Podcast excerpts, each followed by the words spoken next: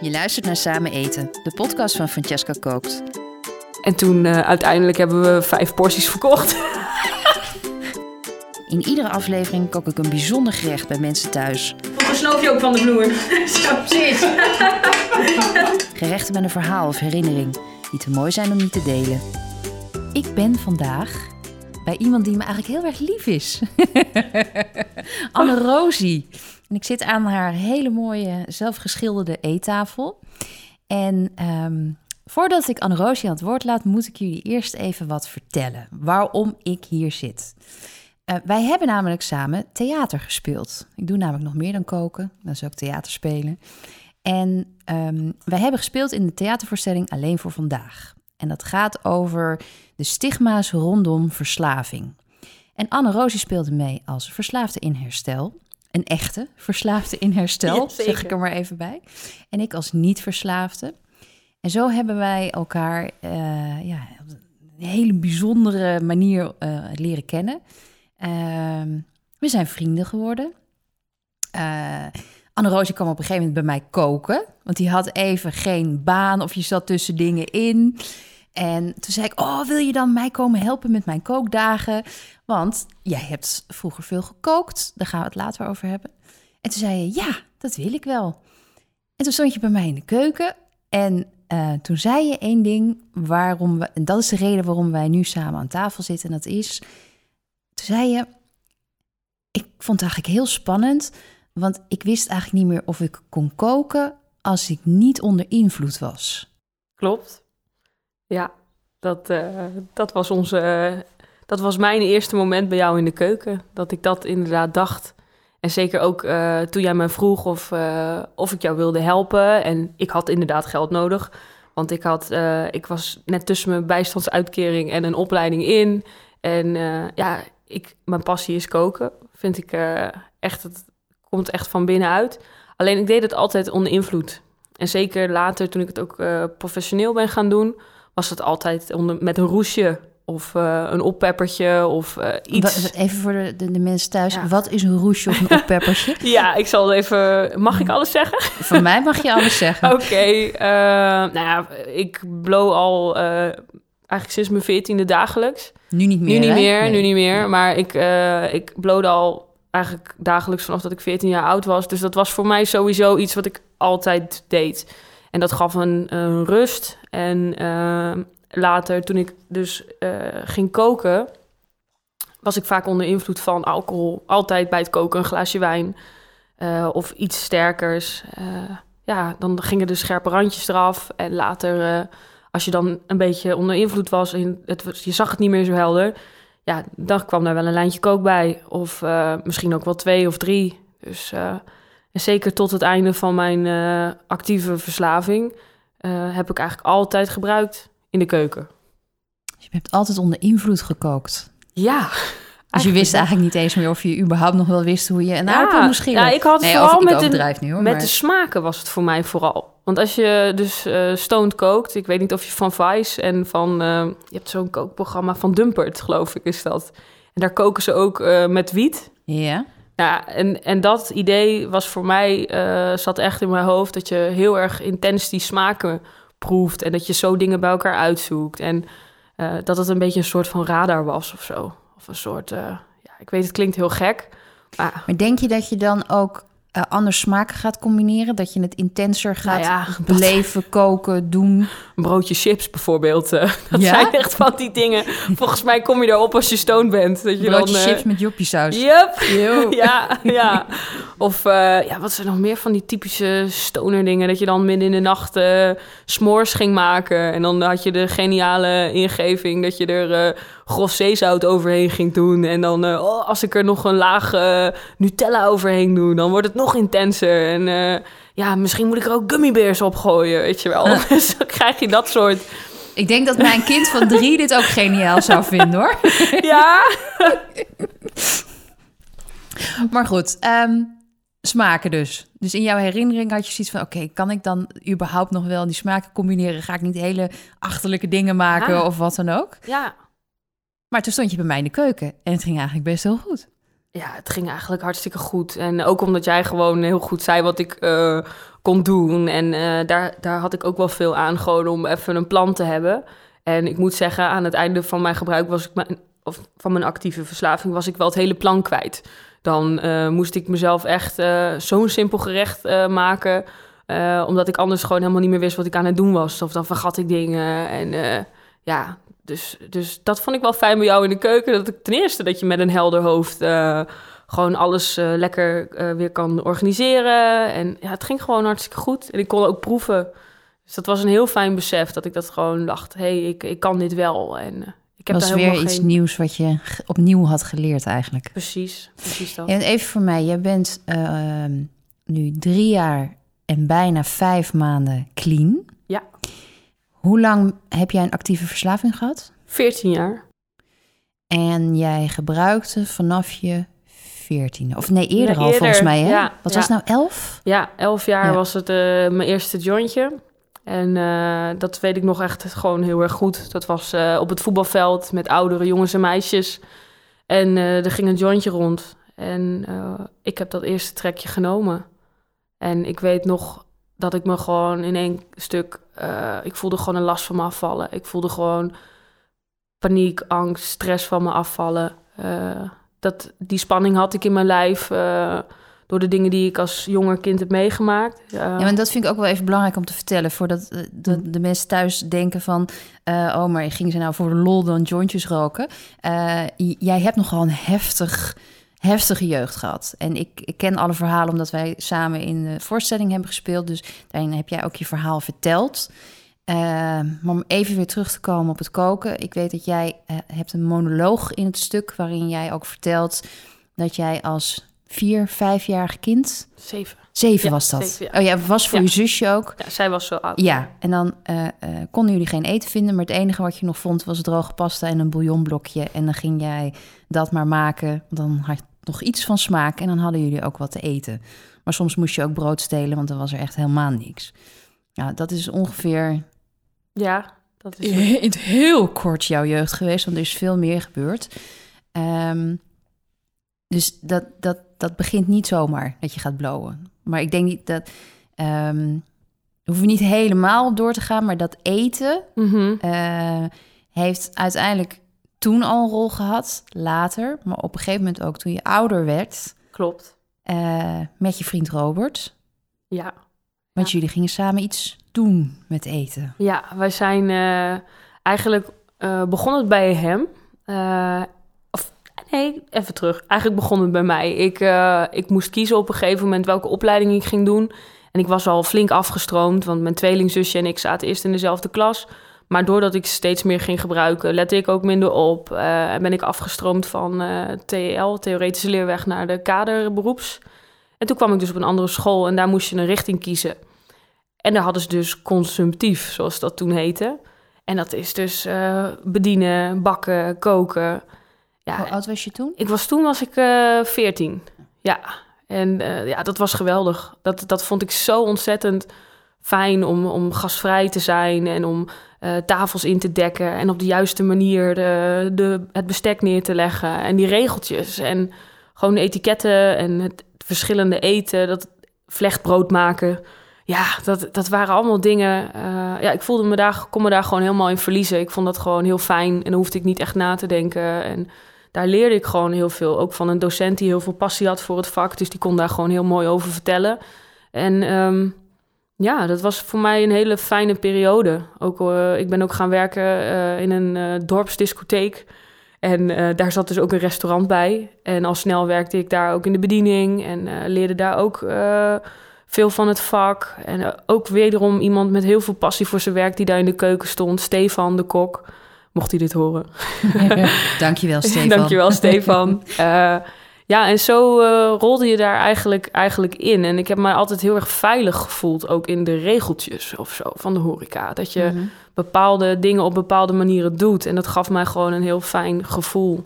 En als mensen blij waren uh, omdat je ze iets lekkers neer had gezet... of je had mensen een fijne avond bezorgd... dat, ja, dat voelde gewoon heel natuurlijk. Ja, dat herken ik. Ik heb Ja. ook heel lang in de horeca gezeten. Ik vond het heerlijk, want het was ook lekker. Je kon het lekker afsluiten zo'n avond. Je begon en aan het eind van de avond gingen mensen weg. En die waren dan blij, over het algemeen, meestal. Meestal. En ehm, ja, dan had je een goed gevoel, want dan had je andere mensen blij gemaakt. En dan kon je lekker naar huis, lekker slapen. Dan was je werk ook voorbij. Precies. En eh, ja, ik bleef dan vaak wel lang op mijn werk, eh, ook om te drinken. Ik wou net zeggen, dat had een andere reden dan. Ja, dat was de andere reden. Ja. Dat ik samen met, eh, met mijn collega's altijd flink kon, kon drinken.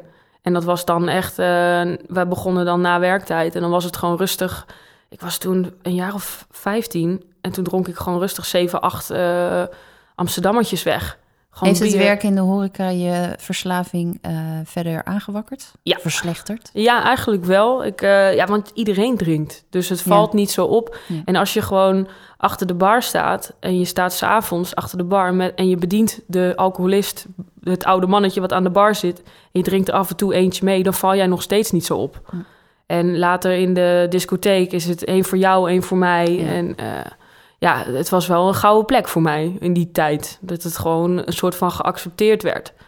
En echt pas later, toen ik echt eh, veel later ook eh, in andere bedrijven werkte... en dat het steeds vroeger werd, ook dat drinken... dat ik ook tijdens de lunch al rode wijn wilde drinken... dan deed ik dat gewoon in een koffiebeker. En dan viel het eh, in die zin niet op. Tuurlijk rook je dat, maar je denkt nog van... dit valt niet op. Mhm. Dus, ehm, maar om even terug te gaan naar Robert, eh, was mijn vriend eh, toen de tijd. En hij had ook die passie. Hij werd daar ook heel erg blij van. Hoe oud was je toen je Robert leerde kennen? Ik was 14 en hij was 16. Want jullie hebben een heel lange relatie gehad. Ja, ja ik, eh, ik was op slag verliefd. Hij, ik zat op het bushokje, of op het bushokje, bij het bushokje. Je weet niet, gekund, als, je, als je onder invloed was, had jij misschien op het uh, bushokje gezeten. Zeker. En eh, ja, hij kwam langslopen met een vriendinnetje van mij. En we keken elkaar aan en het was gewoon, dit is het. Het was gewoon vanaf die eerste blik was het gewoon, eh, was er gewoon liefde. Ja. En het was heel sterk. En eh, we hebben samen ontzettend veel meegemaakt. En hij is eh, ook van elke school afgetrapt, omdat hij ook concentratieproblemen had. En hij had ook ADHD. En, maar wat vond hij wel fijn? Ook wederom die structuur, die regeltjes in de keuken. Heb je gewoon, hij was een, echt een kok. En heb je gewoon een bepaalde manier van doen. En ja, daar krijg je. Dat, dat was gewoon heel fijn voor hem. En hij kon daar heel veel van leren. En hij wilde alles leren over whisky. Oh, tuurlijk. en hij wilde alles leren over wijnen. En hij, eh, hij ging ook de koksopleiding doen. En ik deed toen consumptief dus, ook een soort van vooropleiding. Ik heb later geprobeerd om de hotelschool te doen. Maar door het blowen, door het niet opletten, door het... eh, ik, voor alle praktijkvakken vlag en wimpel. Maar economie, Nee. rekenen, nou, daar kon ik me niet toe zetten. En dat wilde ik niet. En ik vond het heel erg jammer. Alleen toen ben ik dus een andere opleiding gaan doen. En eh, heb ik uiteindelijk mijn diploma reizen gehaald. En eh, Robert heeft zijn niveau 2, geloof ik, gehaald voor de keuken. Mhm. En die is gaan werken in een restaurant in de Oude Schans. En een klein restaurantje. Heeft hij heel veel geleerd. En eh, dat zat er gewoon in. Ja. De horeca. En Dat was het jullie koken. gedeelde passie. Ja. Even een heel klein zijspoortje. Ehm, wo- werd, werd, wordt er veel gebruikt in de horeca? Ja. Want ik Ja. weet nog, toen ik jonger, jonger was... eh, ik had wel eens een keer een kok betrapt die een lijntje aan het snuiven was. Ik had echt zoiets van, ben jij nou aan het doen? maar dat was ook in een dorp, hè? Dus ik was helemaal... Ja. helemaal ehm, maar ik heb het zelf ook best wel heel vaak gezien. Eh, ik, ik had toen een beetje het idee dat het, dat het geaccepteerd was. ja, absoluut. Je maakt lange dagen. Ja. Ehm, je moet veel eh, verschillende taken doen tegelijkertijd. Je, hebt, eh, je moet blijven opletten. Eh, als je al veel alcohol drinkt op een gegeven moment... dan word je gewoon minder scherp. Dan ga je foutjes maken. En dan is het natuurlijk een wondermiddel Om weer scherp te worden. om weer Ja, scherp te Om worden. weer nuchter te worden. Ja. Kook. Ja. En veel kook. En zoals dat in elke branche... Kijk, op de, in de bankwereld wordt er ook veel gesnoven. Eh, maar in de keuken en horeca... iedereen... of nee, niet iedereen... maar iedereen met een stevige alcoholverslaving... eh, die de mogelijkheid daartoe heeft. Het is, het is wel makkelijk om dan te zeggen van... goh, ik haal even weer mezelf weer een beetje terug... en ik ben weer wat scherper. Ja, laten we het niet generaliseren Nee. dat iedereen het doet. Nee, maar ik nee. geloof wel dat het inderdaad een branche is waar het Veel gebeurt. veel gebeurt. Ja. Ehm, Oké, terug naar jou, Robert. Ja. Ehm, Want wij gaan straks koken met elkaar. En dat is een gerecht wat komt uit jullie eh, leven samen. Ehm, nou, vertel zelf maar. Want jullie hebben op een gegeven moment een wild plan bedacht en Ja. uitgevoerd. Eh, ik werkte in eh, Zuid-Duitsland voor een franchisebedrijf. En die zetten in, in ziekenhuizen de horeca op. Nou, dat heb ik twee jaar gedaan. En dat heeft me echt... Want ik heb een cross-addiction. Dus dat betekent dat ik niet alleen verslaafd ben aan, eh, aan alcohol... of alleen aan kook, maar ook aan werken. En ook aan eh, eigenlijk alles waar je verslaafd aan kan raken.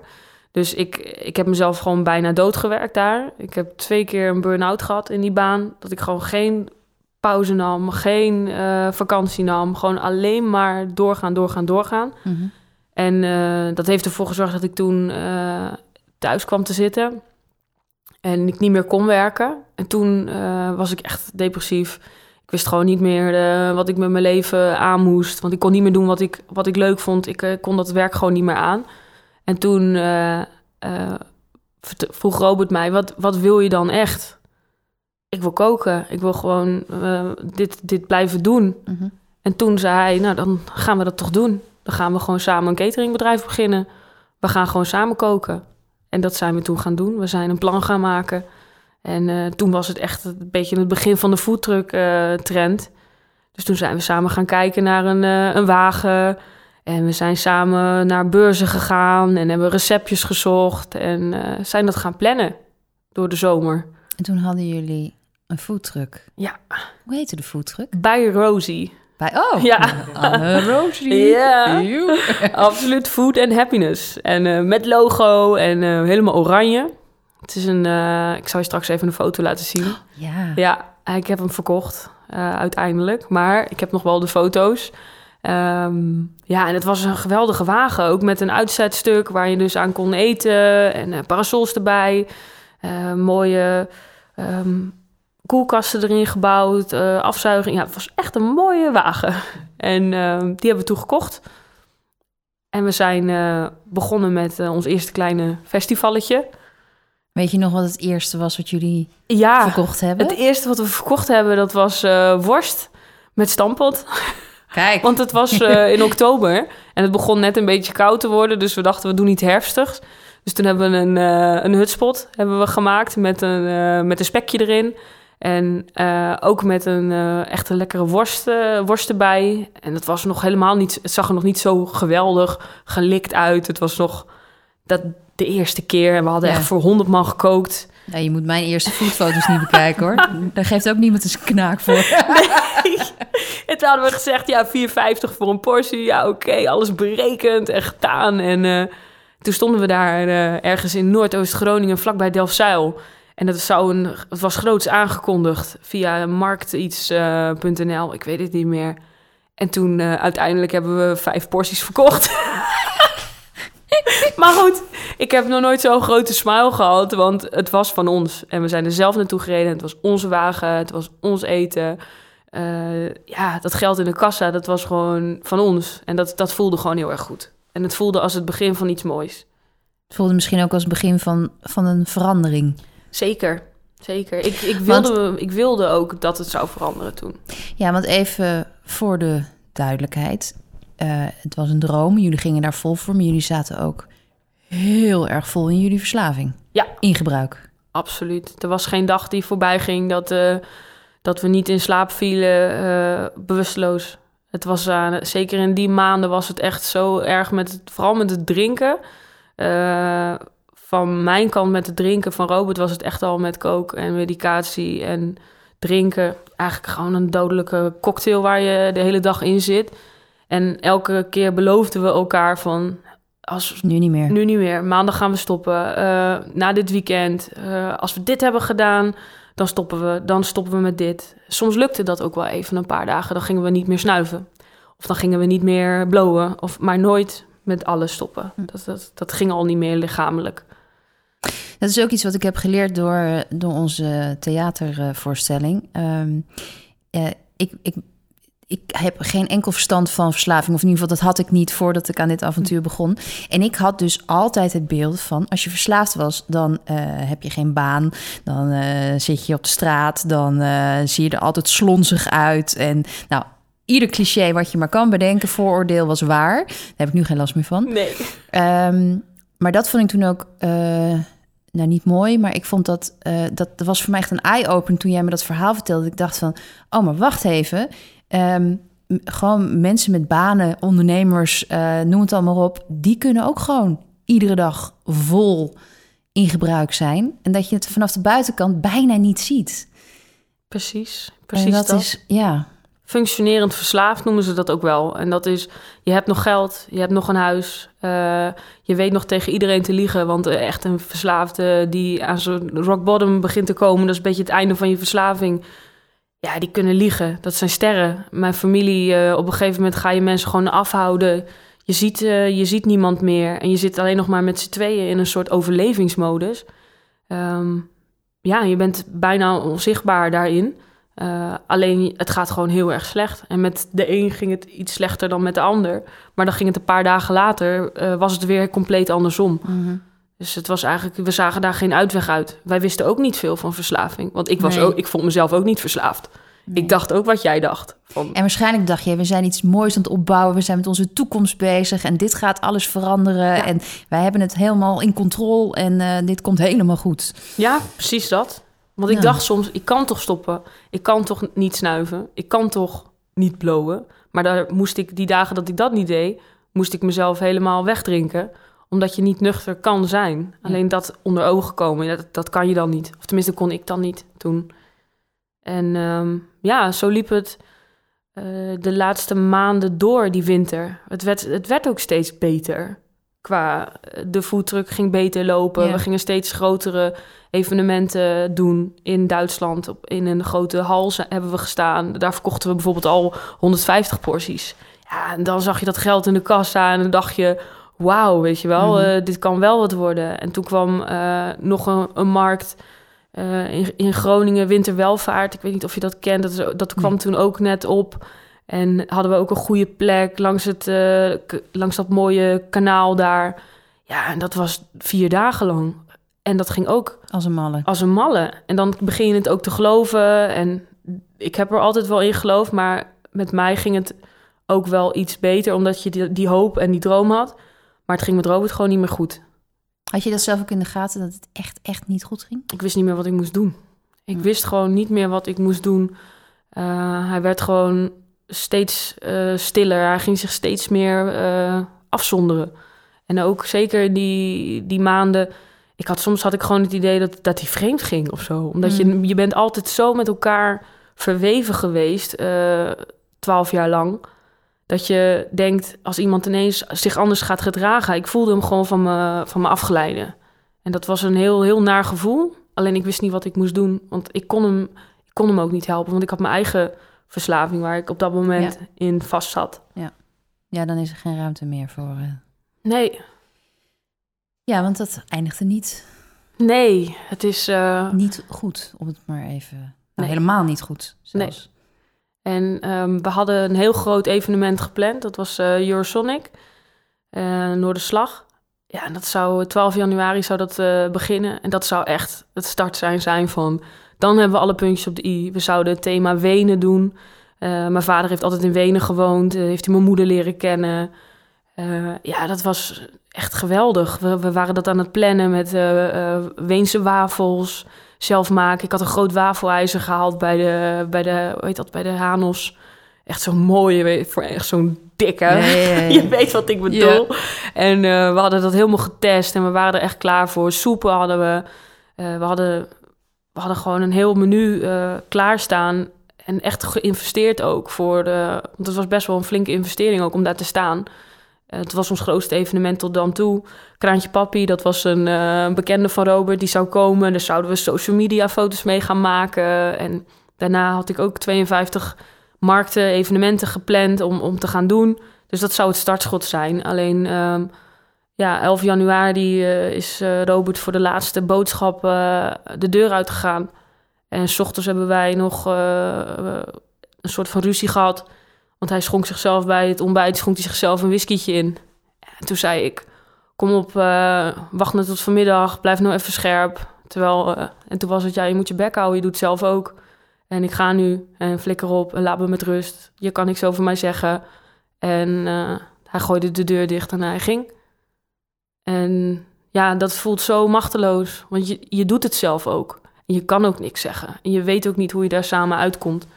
En ehm, hij is naar Groningen gereden voor de laatste boodschappen. We zijn elkaar nog tegengekomen. Eh, ik ben de, grens weer overgereden met een vriendin, want wij gingen ook nog wat dingetjes, je, je kent het wel, de laatste dingen halen. En uh, toen hebben we elkaar nog gezien, hebben we nog met de lampen naar elkaar geknipperd. En toen belde die me en toen zei hij, schat, ik hou van je, sorry. Want zo ging het altijd. Het was altijd, ja, sorry, was niet zo bedoeld. En het, ja, het ging toch niet kapot, maar sorry. En toen is die, uh, smiddags is die van de weg geraakt. Is hij tegen een andere auto aangereden. En is die uh, om het leven gekomen. Samen met zijn beste vriend in de auto. Ja, die heeft het wel overleefd. Overigens. Toen stopte gewoon alles. Toen uh, was voor mij... Ja, ik weet nog dat ik uh, thuis was. En wij kregen een telefoontje van zijn beste vriend. We, we, waren bijna thuis. Ik lag onder de zonnebank toen het gebeurd is. En we reden naar huis en zijn beste vriend belde en, en die zei, waar zijn jullie? En ik dacht, die komt zo meteen ook, want dat deden we altijd als vriendengroep. Van tevoren een avond gingen we altijd helemaal los. Want dat doe je op een of andere manier. En dan de volgende dag zouden we gaan knallen. Dus ik dacht, hij komt zo. En hij zegt, uh, waar zijn jullie? Ik zeg, wij zijn bijna thuis. Dus van, zet de auto maar aan de kant, want ik moet je iets heel naars vertellen. En toen zei hij, Robert en Mirko hebben een ongeluk gehad. En een van twee is, is er niet meer. Een van twee is dood. En ik heb nog nooit iemand anders dood gewenst. Maar op dat moment hoopte ik echt dat het iemand anders was en niet Robert was. Maar het was hem wel. En uh, een paar uur later sta je dan in een, uh, in een mortuarium. En ja, toen begon gewoon uh, ja, echt voor mij de hel. ineens ben je alleen. Ben je zonder degene waar je denk niet zonder te kunnen. En ik dacht ook echt dat ik dat niet zou kunnen. Dus ja, het is een hele nare periode geweest. En ik ben nog meer gaan gebruiken. Ik heb echt mezelf geprobeerd dood te gebruiken. Ja. ja. Dat doe je dan. Uh, maar ergens wilde ik wel door. Ik wilde wel de horeca... Dat gaf me nog steeds ergens een fijn gevoel. Alleen nu kon ik gewoon helemaal niet meer nuchter blijven. Nee, maar jij bent toen je diepste dal wat je kon vinden, ben je ingegaan. Uh, maar het is uiteindelijk ook weer het startpunt geweest van je herstel. Ja, absoluut. Absoluut. Ik, uh, ik heb het een paar maanden echt uh, heel erg zwaar gehad. Echt van, ik heb mezelf echt een paar keer bijna doodgebruikt. Dat ik toch wakker werd en dat ik dacht van verdomme, weet je wel, ik ben er nog. En um, juist die keren uh, hebben mij ontzettend veel geleerd. Hebben mij echt geleerd, uh, eigenlijk tot het laatste moment. Ik weet nog heel goed het laatste moment, mijn laatste, een van mijn laatste dagen van mijn, van mijn actieve gebruik. Uh, ja, ik wilde gewoon niet meer. Ik, ik dacht echt, ik weet niet wat ik moet doen. Iemand moet me oppakken. En dat dacht ik de hele tijd. Alleen wat ik geleerd heb, is dat niemand pakt je op. Je moet jezelf ja, oppakken. Jezelf doen. Dus op het moment dat ik dat deed en ik echt naar mijn moeder de, ben gegaan in de auto uh, en ik wilde eerst gewoon een einde eraan maken. Alleen toch ergens voelde ik daar toen voor de eerste keer sinds zijn dood voelde ik hem weer. En dat was voor mij, uh, ja, wat ze noemen in het versla verslavingsprogramma's, een hogere macht noemen ze dat. Gewoon hij iets. Zat op je schouder. Ja, hij zat er gewoon even. En ja. ik voelde hem en ik wist dat ik vanaf die dag het heel moeilijk zou gaan krijgen. Nog moeilijker, maar dat ik het wel aan zou gaan. En uh, toen ben ik gaan zoeken naar een afkeerkliniek samen met, me, met mijn familie. En een paar dagen later, de, ineens kwam iedereen uit alle hoeken. Mijn hele familie was ineens uh, thuis en uh, we waren allemaal weer samen. En um, toen zijn ze een kliniek voor mij uit gaan zoeken en daar ben ik naartoe gegaan. En het was heftig. Yeah. Nuchter worden en echt voelen. Toen kwam pas echt die, die rouw binnen en het gemis en... Uh, eigenlijk wat er al die jaren was gebeurd. Gewoon. Ja, maar jij bent door echt een gigantisch proces heen gegaan. Ik, ik ken het alleen in grote lijnen. Ja. En zelfs in grote lijnen heeft het al zoveel indruk op mij gemaakt. En heb ik nu nog steeds kippenvel als ik naar je luister. Dat heb ik iedere keer. Um, wat misschien ook mooi is om te vertellen, is dat je daar een boek over hebt geschreven. Dat is Ja. nu af. Alles staat daarin volgens mij. Ja, ja, er wordt niks, eh, niks weggelaten. En ik heb soms echt bij stukken wel dat ik denk... oh jeetje, als mensen dat over mij gaan lezen. maar goed, ik, ik sta er wel gewoon achter. En het is gewoon het echte verhaal, eh, hoe het gegaan is... hoe mijn verslaving ontstaan is... Ehm, hoe de relatie met Robert en mij is gegaan... eh, hoe ik afscheid heb genomen van hem... hoe ik afscheid heb genomen van eh, drugs een rouwproces. Eh, eigenlijk, het boek heet ook Vrouw met Haas. Dus ehm, ja, de haas komt altijd weer terug. Ja. En dat is een heel, heel ander verhaal.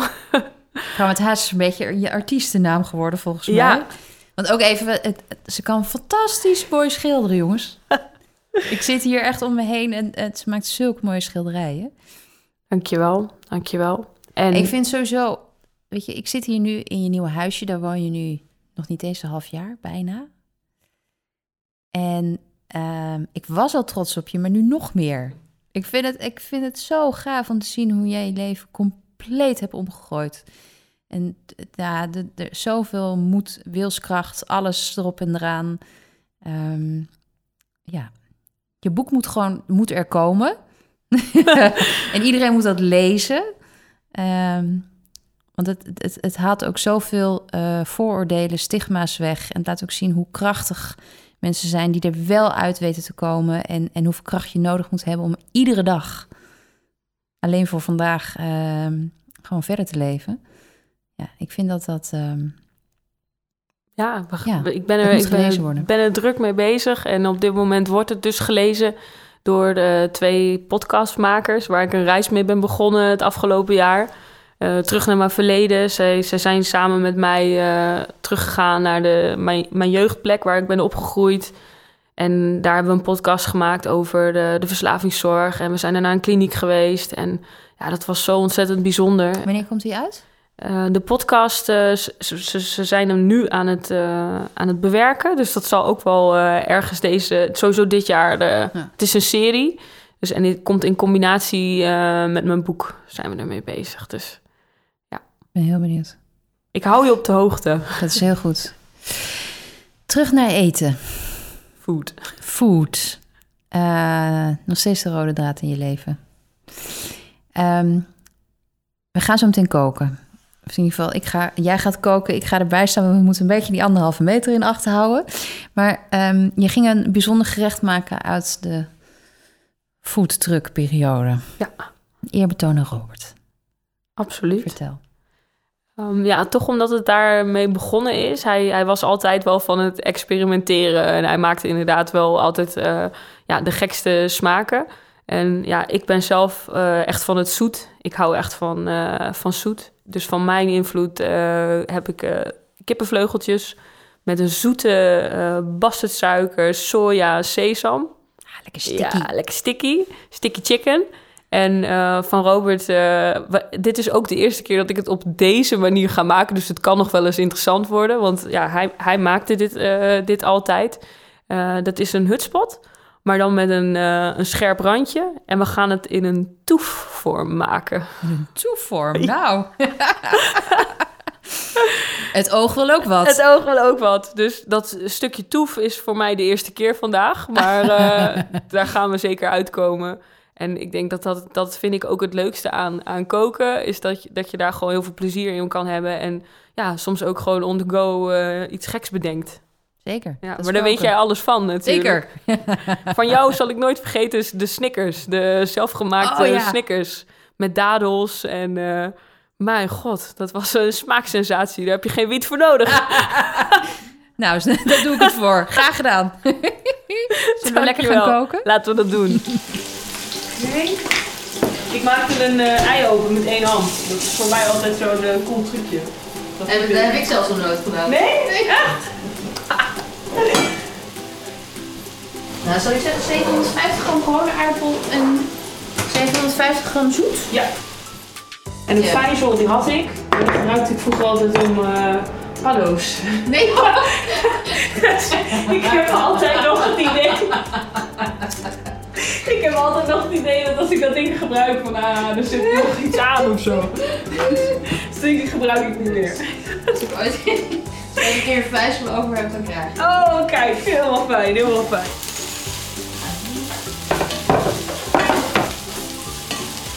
Ja, je zit nog een beetje. Oh, hè? Wel eh, alles, kan hè? aan, hè?